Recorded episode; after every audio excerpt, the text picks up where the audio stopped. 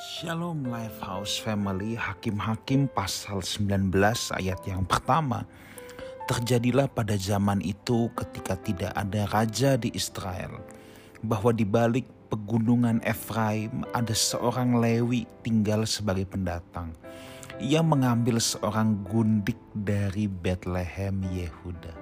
Saudaraku ketika saya membaca ayat ini, ayat ini betul-betul menggelitik saya saudara ayat ini betul-betul membuat saya wow kok bisa orang Lewi mengambil seorang gundik. Nah saudara ada yang saudara harus ingat bahwa orang Lewi di sini adalah suku Lewi. Suku Lewi adalah salah satu dari kedua belas suku Israel ya. Jadi 12 suku Israel itu kan berasal dari anak-anak Yakub Nah, salah satunya itu adalah suku Lewi. Musa orang Lewi, Harun orang Lewi, saudara ya.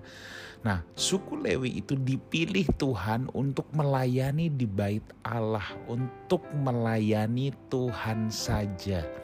Ini sebagai imam, mereka yang punya tugas mempersembahkan korban bakaran dan lain sebagainya. Suku-suku Israel lainnya tidak boleh mempersembahkan korban bakaran ya. Nah, saudara, mereka adalah imam pada saat itu. Suku Lewi adalah perantara umat Allah dengan Tuhan Allah Elohim Yahweh. Itu sebabnya orang-orang Lewi dituntut untuk memiliki kesucian hidup, dituntut untuk memiliki sebuah kekudusan standar yang sangat tinggi di hadapan Tuhan pada masa itu dibandingkan dengan kaum-kaum sebangsanya. Saudara, pernikahan pada mulanya adalah monogami. Itu rancangan Tuhan. Itu sebabnya Tuhan tidak kasih Adam istri dua atau tiga, tapi Tuhan cuma kasih Adam ya Hawa, satu orang cukup. Nah, ketika uh, manusia jatuh ke dalam dosa, kita bisa melihat bahwa sebenarnya Tuhan tetap konsisten bahwa satu pria, satu istri, tidak boleh banyak istri. Tetapi kita masih bisa melihat adanya eh, orang-orang Israel yang lain pada saat itu suku-suku lain bisa saja ada yang mengambil gundik, ada yang punya berapa istri. Tetapi khusus Lewi, saudara tidak akan temui. Makanya Musa nggak punya istri lebih dari satu. Ya. Yakub masih punya istri lebih dari satu. Tapi kalau Musa enggak, Harun enggak. Memang seharusnya orang Lewi tidak, saudara. Tidak boleh. Mereka punya tugas penting. Nah, ketika saya membaca ayat ini, orang Lewi mengambil gundik. Edan, ini pasti sudah edan. Ibaratnya kalau zaman sekarang saudara, pendeta mengambil gundik. Nah gimana tuh coba? Wah kalau saudara ketemu pendeta mengambil gundik, mungkin saudara udah timbukin pakai batu saudara ya itu tidak bisa. Tetapi ayat ini diawali dengan ketika bangsa Israel tidak mempunyai raja. Ya, memang saya mengerti secara konteks hakim-hakim adalah di mana bangsa Israel belum punya raja.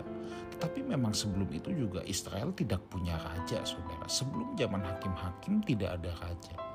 Yang ada adalah Musa, Yosua itu sebagai pemimpin ya, tapi mereka bukan raja. Mereka pemimpin yang dipilih Tuhan untuk meneruskan maksud Tuhan untuk bangsa Israel. Itulah sebabnya saudaraku sangat penting kehadiran Tuhan dalam kehidupan bangsa Israel. Kehadiran Tuhan aplikasinya dalam kehidupan kita.